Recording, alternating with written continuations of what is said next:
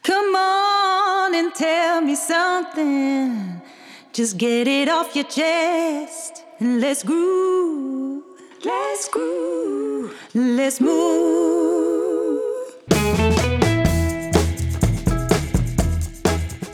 Tijdens de coronacrisis werd ik geïnterviewd door Mirjam Hegger. Mirjam heeft een succesvol massaprogramma over het maken en publiceren van podcasts. In haar podcast, genaamd Podcast Masters, interviewt zij podcasters die in een specifieke niche zich onderscheiden. Dit interview heeft een periode op de plank gelegen. De laatste tijd ontving ik echter van verschillende tandartsen, maar voornamelijk van studenten, vragen over mijn podcast. Hoe ik er zo toe gekomen ben, hoe dat nou precies in zijn werk gaat, zo'n podcast. Op dit moment voor het zomerreces 2022 is dit interview een mooie afsluiting voor een goed podcastjaar, waarin elke week een podcast verscheen. Inmiddels is dit podcast nummer 61 en zijn we deze week door de 20.000 luisteraars gegaan. Mijn grote wens om Thijs van der Brink met zijn podcast Virusfeiten in de geneeskunde hitlijst van Apple te verslaan is gelukt en stond de podcast één week op nummer 1.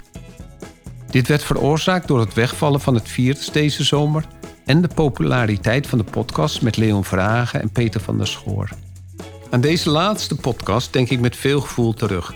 Niet lang na de publicatie overleed mijn leermeester Peter van der Schoor en zijn familie heeft de podcast gebruikt ter nagedachtenis van Peter. Soms gebeuren er zaken in het leven waar je niet op uit bent, maar waar je toch heel veel kunt betekenen. Ik heb heel veel plezier beleefd aan de interviews, de Dynamic 7 en natuurlijk de Tandartsclub op Clubhouse met mijn mede-host en vriend Nico Bezuur. Wat hadden we veel lol tijdens deze opnames. Er zullen dit zomerseizoen niet elke week meer podcasts verschijnen. Ik heb wel een aantal ideeën om weer met de recorder op pad te gaan, maar ik moet ook bedenken hoe ik deze podcast binnen het concept van de Tandarts Business Mentor vorm ga geven. Ik dank jullie voor het trouw luisteren, meer dan 20.000 maal, de nummer 1 positie op de Apple-ranglijst, de medewerking die ik kreeg van de geïnterviewde en natuurlijk nogmaals dank aan mijn maatje Nico Bezuur van de Tandartsclub. En natuurlijk dank voor de vele aardige berichten en schouderklopjes die ik van jullie kreeg. Dus tot de volgende podcast.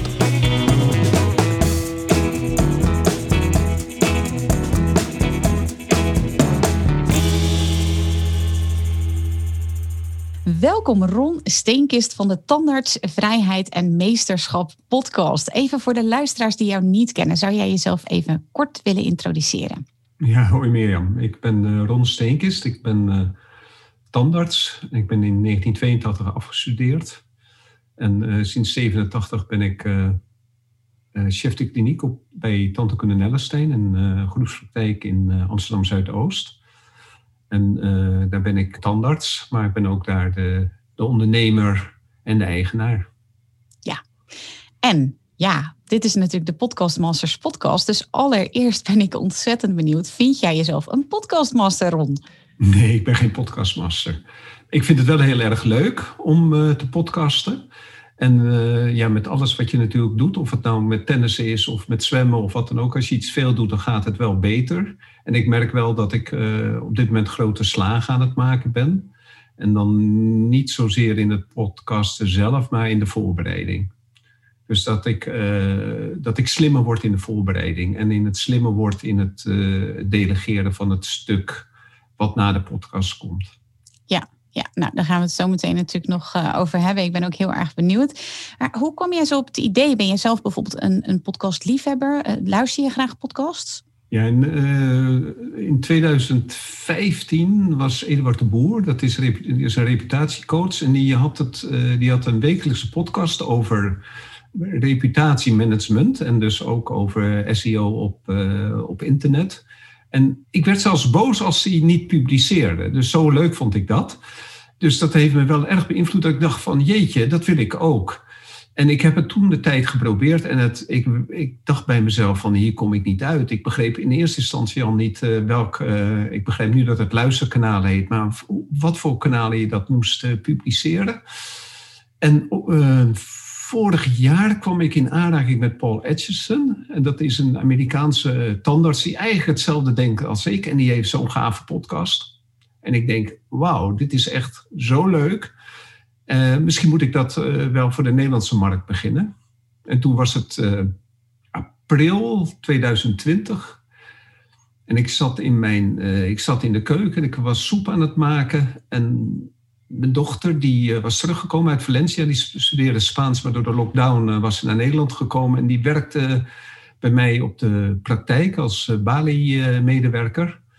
En al mijn dochters hadden altijd, ik heb vijf dochters, die hadden allemaal gezegd van wij willen echt niet in die vieze bekken kijken. Wij worden echt geen tandarts. Dat heb ik altijd jammer gevonden, want ik had het heel leuk gevonden als mijn, mijn, dochters in de, de, praktijk hadden overgenomen. En zeker als, uh, als vrouw is het gewoon een ontzettend mooi vak waar je heel erg veel vrijheid mee kan hebben. En meestal een goed salaris. Dus ik had ze echt gegund dat ze tandarts zouden zijn geworden, maar ze hebben andere keuzes gemaakt. Maar mijn dochter die komt dus binnen en die roept: Papa, papa, ik word tandarts. Ik denk, wat hoor ik? Bibi, Bibi, je wordt tandarts? Ja, papa, het is zo gaaf. Ik, eh, iedereen zit naar die foto's te kijken. Met z'n allen bespreken ze het. Ik wil ook tandarts worden. Ik ga tandarts worden. Maar Bibi, je hebt een havenpakket. Hoe ga je dat doen? Nee, gewoon leren, gewoon doorzetten. Ik ga het gewoon doen. En toen dacht ik bij mezelf, jeetje, nu wordt Bibi tandarts. En, en ik ben dan, als ze echt een beetje sneller is, dan ben ik 70 als zij, zij klaar is. Ik, en dan is die praktijk al lang niet meer voor mij. Dus ik dacht bij mezelf, hoe kan ik nou dit overdragen van de kennis die ik heb aan haar? En toen dacht ik bij mezelf, weet je, ik ga alle mensen die heel belangrijk voor mij zijn geweest, uh, die ga ik interviewen en dan ga ik het vastleggen wat ze zeggen. En ik denk, ik ga het gewoon doen. Ik heb meteen die, uh, dat moment een aantal mensen gebeld of ze daarmee wilden samenwerken. En onderwijl ben ik uh, op, uh, op internet gaan kijken wat, hoe je dat dan moest regelen, zo'n podcast. En ik kwam al snel complimenten voor je marketing, Mirjam. Kom ik jouw naam tegen. Ik heb toen meteen het stappenplan van jou ge, aangevraagd. En ik zat op dat moment gewoon in jouw funnel, denk ik.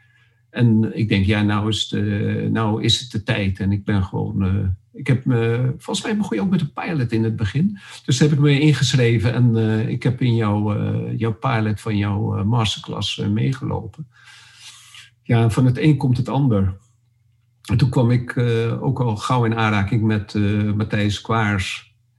Ja, dat, dat, is een, ja, dat is voor mij toch wel een hele belangrijke steunpilaar in mijn, uh, in mijn podcastwerk. Uh, dus het is, is relatief toen snel gegaan. Ja, en wat ik dan zo bijzonder vind aan jouw verhaal is dat je, weet je, sommige mensen denk ik, of sommige tandartsen of anderen die hun kennis of inspiratie of nou ja, enthousiasme willen overdragen over hun vakgebied bijvoorbeeld, wat jij dus had, die zouden denken, ik schrijf een boek.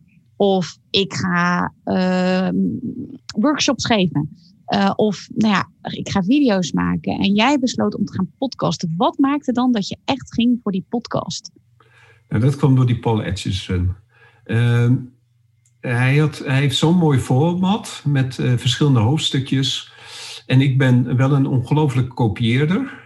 En ik denk van als ik dat van hem doe, wat hem navolg, en ik hou me aan zijn stramien, uh, en ik kopieer dat, dan, dan gaat het goed komen. Dus uh, voor een boek ben je, zou, je best, uh, ben ik, zou ik best lang bezig zijn qua voorbereiding. Omdat je een boek kopieert is best moeilijk. Hè? Dan zit je met allerlei rechten. dat, dat kan gewoon niet, want dan vertaal je een boek. Maar dit dacht ik, dit, dit, dit kan gewoon relatief makkelijk. En uh, dat boek komt later wel. Ja. Dus zo is het gekomen, ja. Ja, nou, en toen ben je dus uh, met de Academy gestart en uiteindelijk heb je dus ook Matthijs leren kennen. Um, nu zijn er natuurlijk een heleboel mensen die dit luisteren en die denken ook van nou, ik heb precies hetzelfde verhaal als Ron. Ik wil mijn, nou ja, ik, ik noem het dan even legacy, zeg maar. Mijn, alles wat ik weet, dat zou ik wel heel graag in een uh, podcast willen gieten. Um, wat zou dan de eerste stap kunnen zijn? Wat, wat is jouw advies daarin? Nou, ik denk als je het echt goed wil doen. Ik hoor van veel mensen dat ze het alleen met een iPhone in het uh, iPhone-oortje in het begin doen. Ik denk dat je gewoon vrij snel, of eigenlijk direct 100 euro of 80 euro moet uh, besteden aan een goede microfoon. Als een, als een podcast geen goed geluid heeft, dan wil je daar niet naar luisteren. Op dit moment zijn er opnames van Clubhouse en die maak ik ook. En dat is een beetje blikkerig geluid, maar je gunt het Clubhouse omdat het een beetje illegaal is dat het, uh, dat het uitgezonden wordt. dan weet je dat het, uh, dat het op een bepaalde manier uh, opgenomen is. En dan, dan, dan kan je zelf de beslissing nemen. Oké, ik luister hier specifiek naar, maar als je naar een podcast luistert, dan moet de microfoon echt goed zijn. Want anders hou je dat geen half uur of een uur vol om naar te luisteren. Dan denk je al snel volgende podcast. Dus echt microfoon, microfoon, microfoon. Dat is het. Net zoals bij huizen, locatie, locatie. Bij een, uh, bij podcast is het microfoon, microfoon. Ja. Even over de vorm. Want jij doet met name interviews. Maar je, ja, je merkt gewoon als je jouw podcast luistert dat je er echt tijd aan en aandacht aan besteedt. Kun je iets vertellen over het format waar jij voor uh, kiest? Ja, wat, uh, ik, uh, wat ik doe, ik interview diegene. Dat, dat neem in één keer op. Uh, daar wordt wel, als er heel veel urs en dat soort dingen in gezegd worden, wordt er wel in geknipt. Maar in principe is het één format. Één, dus een half uur tot een uur. Dan luister ik dat af. Um, dan maak ik daar een intro voor. En ik zorg ook altijd dat er een sprookje is. En dat sprookje, dat is dus eigenlijk uh, waarom diegene voor mij belangrijk is. Dus eigenlijk een beetje het, wat ik net vertelde over mijn dochter, hè, van uh, wat er gebeurde. Uh, zo, kan je, zo zou je dat ook kunnen gebruiken als, als begin, als sprookje van mijn verhaal. Dus ik zet diegene in een verhaaltje in het, in, in het spotlight. En, en ja, dat vind ik zelf heel leuk. Ook omdat het uh, uh, in het verleden speelt, maar ik vertel het in het heden. Dat vind ik op zichzelf wel, wel heel grappig. Dan zeg ik, het is 12 september 1994. Ik loop over de parkeerplaats. En, hè, dus er was eens. En dan vertel ik het verhaal en dan waarom diegene voor mij belangrijk is. Ja, heel erg leuk. Ik luisterde degene waarin je vertelt dat je in een vliegtuig zit met de vega broodjes. En ja. ja echt, je kan zo leuk vertellen. Hoe, waar, ja, kun je daar iets over meegeven aan de luisteraars van hoe je dat doet of hoe je echt een goed verhaal opbouwt? Ja, dat, dat, uh, ik heb eh, de afgelopen uh, twee jaar heb ik de Speaking Academy in, uh, in Londen gedaan. En wat voor hun heel belangrijk is, als je een verhaal vertelt, dat je het in de tegenwoordige tijd doet.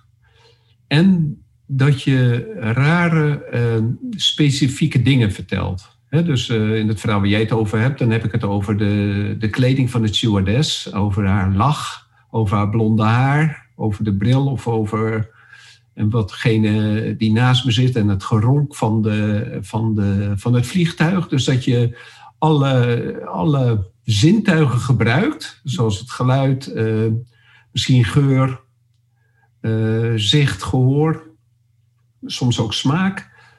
En dan, ja, dan, dan maak je het specifieker. Dan, dan neem je degene mee en die kan zich dan op dat moment voorstellen wat er gebeurt, zoals in een boek. Ja, het luistert ook heel prettig, maar ook de interviews die je doet, die zijn echt van goede kwaliteit. Heb, had jij ervaring met interviews of helemaal niet? Nee, helemaal niet. Nee, nee. Wat kun je daarover vertellen? Want ik denk dat een heleboel mensen ook wel interviews zouden willen doen, maar dat misschien nog een beetje spannend vinden. Of denken van, ja, ik heb dat nog nooit gedaan. Wat, hoe, heb je, hoe heb jij dat aangepakt?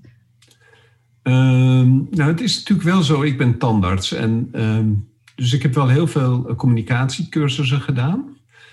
Dus ik moet misschien eh, zeker op de drukke dagen dat ik uh, mijn beugeltandersprogramma draai, dan heb ik misschien wel 40, 50 contacten met mensen en moeders. En dan moet je dus heel snel de highlights pakken. Hè, van, want eigenlijk kom je natuurlijk voor, je, je komt bij gedelegeerd werk. En je pakt dan op dat moment de highlights met het kind en met de assistenten en met de moeder. En op dat moment maak je een, een klein verhaal om te laten zien dat je uh, geïnteresseerd bent en dat je bezig bent met hetgene wat het kind ondervindt. Um, daarnaast is het uh, belangrijk dat je dan spiegelt en dat je de woorden gebruikt en de, de woorden gebruikt die zoals die, de ander ook zijn woorden gebruikt. En spiegelen bedoel ik dat je vaak de houding van de ander aanneemt. En dat geeft vaak al heel snel uh, geruststellend gevoel bij de ander. En bijvoorbeeld, het is wel grappig om te weten. Ik heb zelf altijd heel erg moeite gehad met mensen die uh, bijvoorbeeld in, een, uh, in het concertgebouw speelden.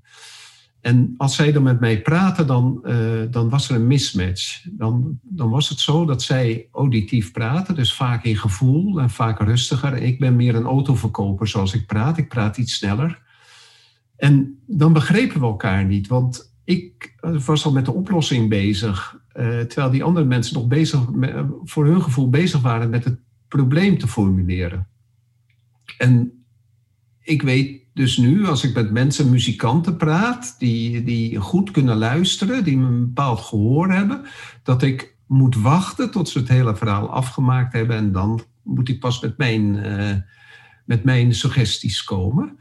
En dat is natuurlijk wel iets wat je, wat je leert. En de, de mensen die ik interview zijn natuurlijk allemaal wel relatief succesvolle tandartsen die waarschijnlijk ook goed kunnen communiceren. Dus ik denk dat het daardoor makkelijk gaat.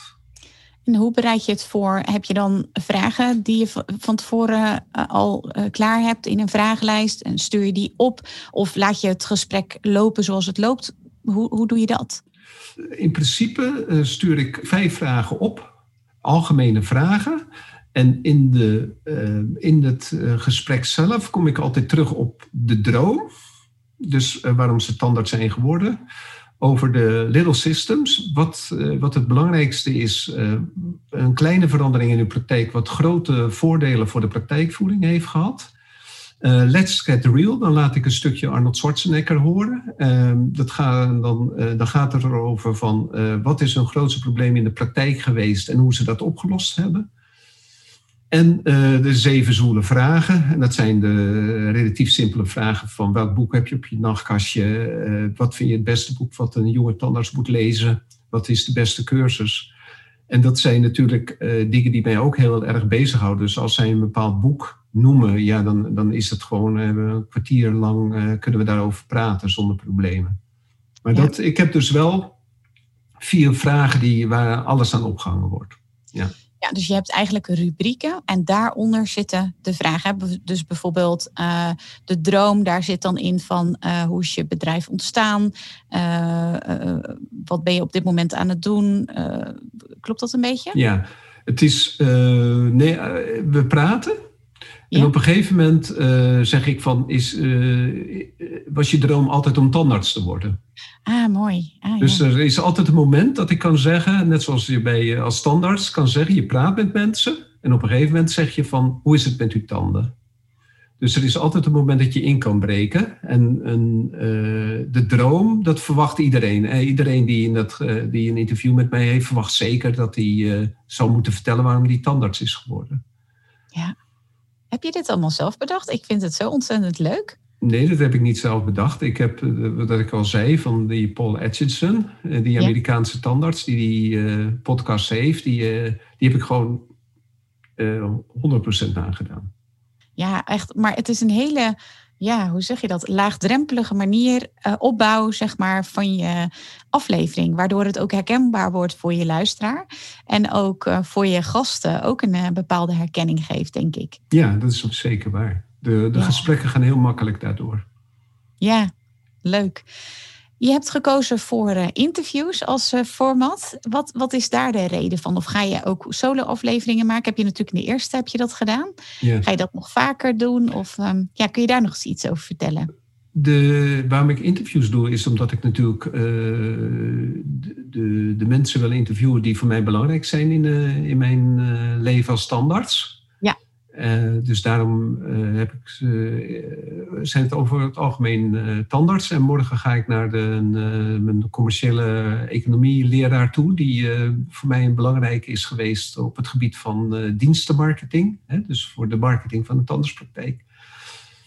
Maar in principe tandartsen. Die, waardoor ik dus mijn verhaal aan mijn, mijn dat verhaal, die hun verhalen laat ik dan na aan mijn dochter. Ja. Dat is de achterliggende gedachte. Ja. Wat ik aan mezelf merk, uh, als ik moet praten voor de vuist weg, uh, vind ik dat moeilijk. ik merk dat ik vaak dan e zeg. En dat heeft te maken dat het verhaal dan niet helemaal in mijn hoofd zit. En dan zit ik nog het verhaal te maken terwijl ik, ja, terwijl ik erover nadenk. Ja, ja. Dus ik heb vaak iemand nodig als kapstok. Ja, Want ik kan er dan in en dan kan ik in de flow komen. Net zoals uh, nu ik met jou aan het praten ben, kan ik, zorg jij ervoor dat ik eh, aan het praten ben. En dan, dat is makkelijk voor mij. En ik merk ook op Clubhouse dat het daardoor makkelijker is als ik een uh, buddy heb die, die mij er doorheen sleept. Of dat ik de buddy er doorheen kan slepen. Ja, dus dat zorgt voor een bepaalde structuur eigenlijk in, in het gesprek. Ja, klopt. Ja, en met een solo-aflevering vind je het lastiger om die structuur, zeg maar, ja, zelf vast te houden of uit jezelf te halen misschien. Ja, wat ik, ik zit wel aan te denken dat het misschien leuk zou zijn dat ik ja, ik denk dan meteen in een lecture van uh, drie kwartier, maar dat hoeft natuurlijk helemaal niet. Je kan natuurlijk een, uh, een tien minuten of een twaalf minuten bonus doen tussen de maandelijkse afleveringen in. En ik zat te denken, het is natuurlijk ook belangrijk dat ik misschien vertel wat de lotgevallen zijn van mijn dochter. Dus dat dat de, de volgende stap is, dat ik gewoon vertel hoe ze, nu, hoe ze nu bezig is, welke stappen we maken om daar verder mee te gaan. En in die stappen kan ik, daar kan ik wel natuurlijk een, uh, iets marketingachtigs of iets wat dan ook aan ophangen. Waar, hè, dan kan ik dus aan de hand van wat er gebeurt, kan ik dan een korte episode geven. Dat ik kan zeggen, ik ben, moet morgen bijvoorbeeld met het LUSAC praten, want ze, ze, ze mist een certificaat van uh, biologie en natuurkunde. Dus ik denk, nou, dan kan je daar natuurlijk kan je vertellen hoe dat bij het LUSAC gaat. Dan kan je daar het sprookje van maken. En dan kan je dus vertellen, hé, hey, wat deden ze goed of wat deden ze minder goed? Zo. Dus ja, daar zat ik aan te denken. Ja, dat is ook echt een ondernemerschapsthema eigenlijk wel, wat je dan uh, vertelt, vind ik. Ja. Als je, als je aangeeft van wat deden ze goed of wat deden ze niet zo goed, dan is dat voor jou als tandartspraktijk of als tandarts van een tandartspraktijk ook heel interessant, denk ik, om te, om te horen. Ja, en dan kan ik zeker het, uh, het bruggetje maken naar de tandartspraktijk. Ja, precies. En dan wordt het natuurlijk ook weer heel relevant uh, voor een uh, tandarts uh, podcast. Ja. ja. ik vind het echt zo geweldig rond dat jij überhaupt ja, over dit topic podcast. En ik ben ook benieuwd, krijg je reacties van luisteraars? Of, ja, ja het, het, het grappige is dat ik van de oudere tandartsen krijg heel veel reacties. Die vinden het ontzettend leuk het is natuurlijk ook zo dat uh, best misschien veel oude koeien uit de sloot worden gehaald. Want dat zijn natuurlijk uh, uh, iets jongere mensen dan ik, maar boven de 50, die ik interview. Dus, die, dus misschien is het, een beetje, is het ook een beetje voor de ouder. Het valt me op dat er, een, dat er wel veel mensen van Groningen reageren, studenten. Dat is wel grappig. Van Nijmegen reageert nooit iemand van de studenten. En van Amsterdam reageert soms mensen. En in principe ben ik een Amsterdammer en geen Groninger. Maar het valt me op dus dat het eigenlijk landelijk gespreid is uh, hoe, men, hoe, men, reageert. Maar ik denk dat het ook. Um, het is moeilijk, uh, denk ik, om voor te stellen als je zo klein op die vierkante millimeter op de universiteit bezig bent. En je denkt dat de vormgeving van het kiezen het belangrijkste in het leven is. Dan is het moeilijk voor te stellen dat je eigenlijk allemaal ondernemer wordt. En ik denk dat het ondernemen zijn zo ver van een bedshow is, dat ze het niet herkennen. Ja. ja, ik vind het zelf wel heel leuk om naar te luisteren. Ik ben, ik ben geen tandarts, maar ik vind het toch leuk om naar te luisteren, omdat er gewoon hele goede verhalen worden verteld. Je bent een goede interviewer en daarnaast ja, vind ik zelf ook dat je heel leuk vertelt. Dus um, ja, ik vind het heel leuk om naar te luisteren. Dankjewel ik, voor het compliment, uh, Mirjam. Ja, ik um, vroeg me af van, heb je ook wel eens ja, een gebrek aan inspiratie, maar meer een gebrek aan gast. Of uh, dat je niet helemaal weet van waar de, waar, wat, wat zal ik de volgende keer, uh, of wie zou ik de volgende keer interviewen? Komt dat wel eens voor? Nee. Je hebt te veel misschien. nee, ik heb twaalf mensen gevraagd en die zeiden allemaal ja. Er is één oh, iemand die zei van. Uh, ja, maar dat worden toch steeds dezelfde twaalf verhalen. Nou zeg dat, dat is niet de reden dat ik jou uitnodig. Je hebt een specifieke reden waarom ik jou uitnodig. Dus rekenen maar op dat het niet hetzelfde wordt als de andere verhalen. Dan zeg je, dan is het goed. Leuk hoor. Ja, en je hebt gekozen voor een frequentie van in ieder geval één keer per maand en soms twee keer per maand. Hè? Ja, één keer per maand. En dan en daar, daar hou ik me ook aan, want dat heb ik met mezelf afgesproken met de luisteraars. In de laatste tijd doe ik een, uh, een podcast over de van Clubhouse tussendoor. En daar komt dus, morgen komt de tweede daarvan uit. Ja, heel erg leuk dat je dat dan als bonus erop zet. Um, hoe vind je die frequentie van, nou laat ik zeggen, één keer per maand in ieder geval en dan soms een bonusaflevering? Het interviewen zou ik best elke dag willen doen. en het editen niet. Nee. Want dat is, uh, ik, het is toch wel, als je het, uh, als je het er niet zo opgooit, dan is het toch eh, veel werk. Alleen het afluisteren van je eigen, uh, weet je, luistert het af. En ik moet zeggen dat ik elke keer verbaasd ben hoe leuk, hoe leuk de gesprekken zijn. Dus ik kan ze makkelijk drie, vier keer luisteren en elke keer hoor ik wat nieuws. Even nog over jouw lancering. Jij bent, uh, even kijken, 5 december, zeg ik dat goed? 5 december, ja. ja mooie datum ook, mooie lanceerdatum. Zo met Sinterklaas. Um, ben jij gestart? Hè? Heb je je podcast gelanceerd? Hoe heb je dat aangepakt? Ja, ik, heb, ik zou uh, ehm, 30 september zou ik een lezing geven voor de 200 tandartsen. Ik denk, dan ga ik dan mijn podcast uh, eruit gooien, want dan heb ik meteen 200 mensen. Echter, het, uh, ja, door de lockdown natuurlijk werd dat steeds uitgesteld. En toen dacht ik bij mezelf, en Matthijs die begon ook op een gegeven moment, je moet hem nu wel een keer gaan doen, want ik had ze wel klaar. En toen heb ik gewoon gezegd, oké, dat doe ik uh, eh, 5 eh, december, dat is een mooie. Pakjesavond hebben ze wat, iedereen wat om, uh, om uit te pakken. Dus daarom heb ik het, die, en het viel ook met de vrijdag, zaterdag, de eerste vrijdag, zaterdag van de maand. Dat is de, mijn ritme, elke vrijdag, zaterdag van de maand. Dat die gepubliceerd wordt, net voor het weekend. Dus dat kwam toen ook uit, dus zo heb ik het gedaan. En heb je daar nog veel uh, aandacht aan gegeven op social media? Ja, daar ben ik wel. Uh, daar, heb ik, uh, daar heb ik gewoon iedereen die ik kende, heb ik gespamd op dat moment. Iedereen. Wat goed, wat goed. En wat, wat was het resultaat? Ja, ik stond binnen twee dagen op nummer twee in de medicine, de geneeskundelijst. Dus dat was, een, was best gaaf om te zien.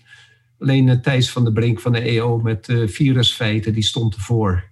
Maar ja, die, die heeft natuurlijk, die hoeft niet te marketen, want die heeft die 200.000 mensen die naar hem kijken op de tv, die, die volgen zijn podcast. Dus ik denk dat dat onbereikbaar is. Zolang, we in een, zolang het virus er is, denk ik dat hij op één blijft in de, in de geneeskunde charts. Maar zodra, hij, zodra het virus weg is, probeer ik op één te komen. Ja, ja, heel goed. Ja, nou ja, ik, ik hoor het inderdaad wel dat er in het voorgesprek al eventjes over dat ik ook een andere klant heb en die heeft ook, zit ook in een categorie waar iemand, een andere podcast is die al twee jaar bezig is, die twee keer per week, publiceert en echt een vaste luisteraarschade hebt. Ja, daar kom je gewoon bijna niet voorbij, zelfs in die lanceerperiode die ja, gewoon ontzettend belangrijk is. Uh, dus eh, ja, daar, daar, daar, zit jij ook mee. Maar eh, nog niet op nummer één zou ik zeggen. Vooral dat woordje nog. En um, als dat inderdaad dat virus is verdwenen, dan maak je natuurlijk weer een hele grote kans. Ja, laten we dat afspreken. Ja, precies. Ja, weet je, je hebt je lancering natuurlijk achter de rug. Je hebt je een aantal keuzes gemaakt in het, in, in het begin. Ik ben wel heel erg benieuwd. Um, als je zo terugkijkt, kun je dan al wat zeggen over wat je ja, belangrijkste inzicht of les is tot nu toe als het gaat over je podcast? Ja, ik vind uh, Tony Robbins heel belangrijk. Uh, die is heel belangrijk in mijn leven geweest. En heeft de Six Human Needs. En uh, de podcast die voldoet volledig aan de, de belangrijkste benodigdheden die je als mens nodig hebt. En ehm, een van de belangrijkste dingen vind ik altijd in het leven dat er variëteit is en spanning en surprises.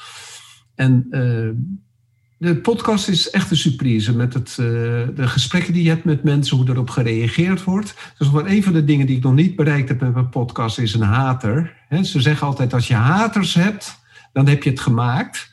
En ik heb uh, best wel haters in mijn leven die af en toe niet eens zijn met me, wat ik doe. Maar met mijn podcast heb ik nog alleen maar lovers gehad en geen haters. Dus ik heb het nog niet gemaakt.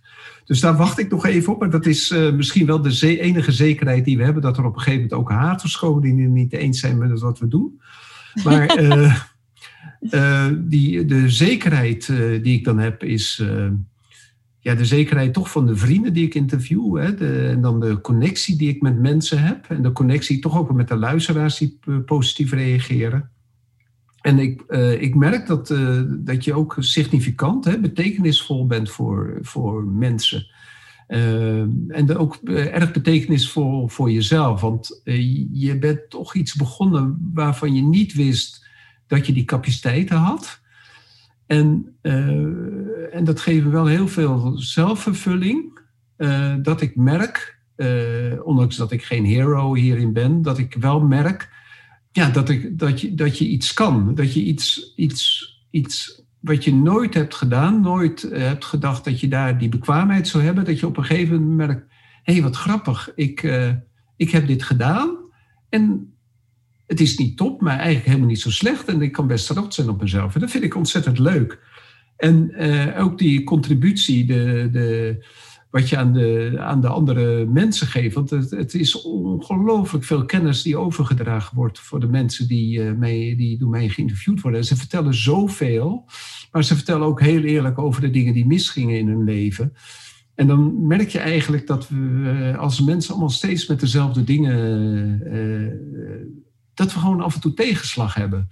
En dat je dan ook merkt van ja, maar die tegenslag, ja, op een gegeven moment komt er toch weer zonneschijn.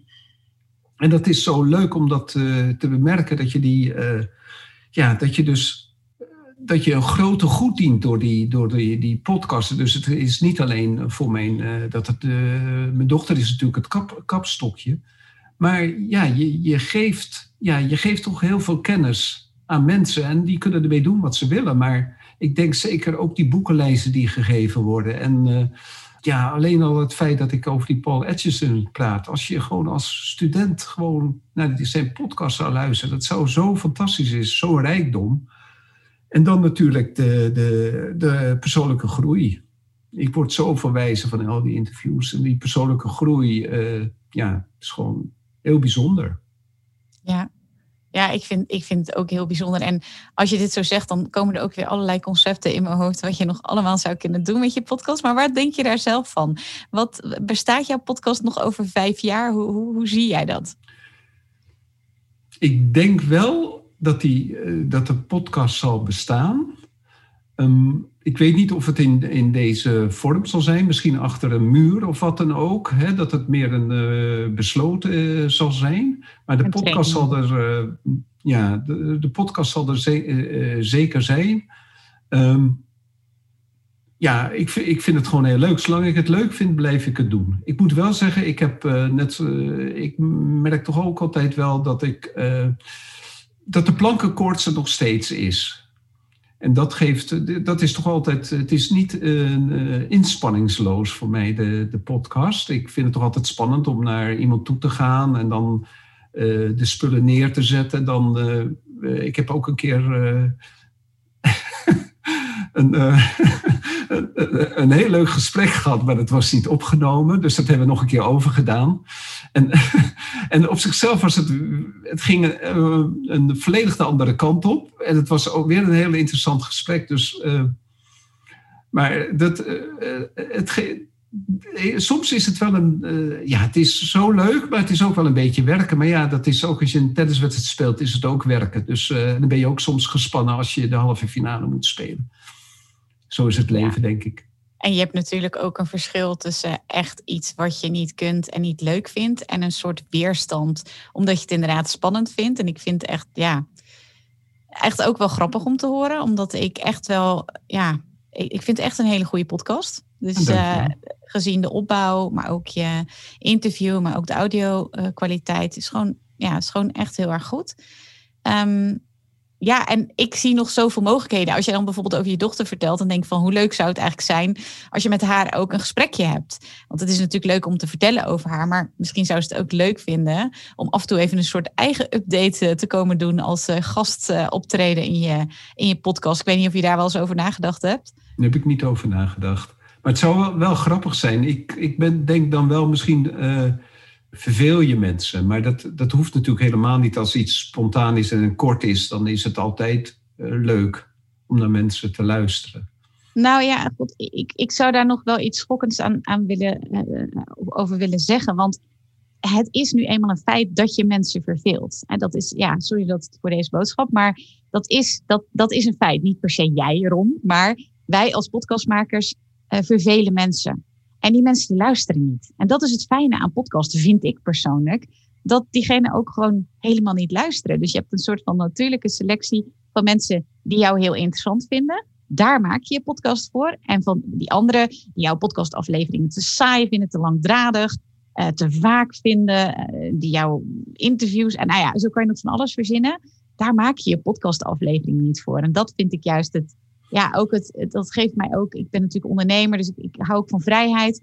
En dat geeft mij ook echt zoveel vrijheid in mijn eigen podcast. Dat ik altijd denk van, nou ja, als je het niet leuk vindt, helemaal prima. Nou ja, dan hoef je ook niet te luisteren. Dus um, ja, je maakt echt de, de, podcast voor je fans.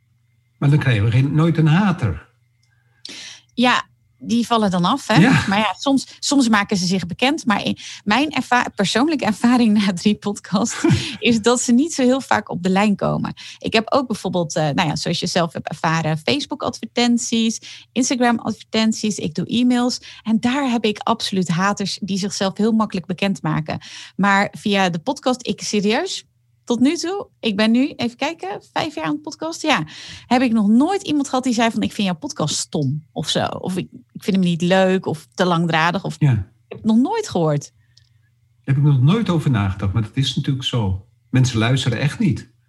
Nee, nou dat is toch ook nee, helemaal prima. prima. ik zou niet willen dat ze ook niet luisteren. Dan denk ik van nou, ik heb ook podcasts waar ik echt goed beluisterde, zo niet heel goed beluisterde podcast van Nederland, die ik helemaal niks aan vind. Maar die hebben honderdduizend luisteraars per aflevering. Nou, ja, die luister ik ook niet. En ik vind de mensen helemaal niet stom die dat maken. Maar ja, het is gewoon niet echt mijn voorkeur. Dus um, ja, ik zou echt gaan kijken van wat vind jij leuk om te delen? En ook omdat je zegt dat je zoveel kennis hebt, zit ik ook meteen te denken van een soort kennissnacks of iets dergelijks. Waarin je ja, ook echt jouw kennis overdraagt als het gaat over bepaalde tand, hoe zeg je dat, heelkundige of tandhygiënische uh, kennis ja, dat is zo waardevol als je dat ook deelt in bijvoorbeeld een, uh, ja, een solo-aflevering. Of je kunt je ook laten interviewen. Ja. Als je het lastig vindt om uh, ja, echt het uit jezelf te halen, waar we het in het begin helemaal over hadden, om die structuur aan te brengen. Nou ja, zomaar wel ja, eventjes wat ideeën, Ron. ja, dus um, nou, je, je zegt ook ja, van uh, we gaan even kijken hoe dat er over vijf jaar uitziet. Um, ja, ik, ik vroeg me af, is er nog iets rondom jouw podcast wat we niet hebben besproken in dit interview, wat je nog graag wil belichten? Nee, volgens mij uh, heb je het heel goed gedaan. Ja. Heb jij misschien een tip, een gouden tip voor iemand die luistert en die ook wil starten en ook, net als jij al ben je heel bescheiden, ook een podcast master wil worden, Roem? Ja, wat, wat ik denk, maar dat, dat is dan uh, een beetje uit eigen werk, dat je uh, luister gewoon naar een aantal uh, Amerikaanse podcasts op jouw vakgebied en kijk of je misschien iets kan pikken van ze. Het is zo zonde om zo lang bezig te zijn om een format te verzinnen, terwijl het format waarschijnlijk al verzonnen is. En we willen natuurlijk iets kunstzinnigs maken en iets bijzonders en uitspringen. Maar je kan ook gewoon beginnen eh, iets, na, iets nadoen en daar het beste uitpikken en dan gewoon starten. Ja. Beter goed gejat dan slecht verzonnen. Dat, dat uh, heb ik op mijn allereerste werken, riepen we dat altijd. Ja, zo en het is, hartstikke, ja, het is hartstikke leuk. Ik bedoel, als je kijkt naar bijvoorbeeld het interviewformat, ja, dat doen heel veel podcasts. Maar je kunt er natuurlijk ook helemaal je eigen draai aan geven. En dat heb jij zeker, dat is zeker gelukt bij jou, Ron. Ik uh, geniet van je podcast, dus uh, dank je wel daarvoor. En dan wil ik jou heel erg bedanken voor je tijd en het inspirerende gesprek, Ron. Ja, dankjewel, Mirjam. Ik vond het heel leuk. En je, je hebt jezelf weer overtroffen. dankjewel.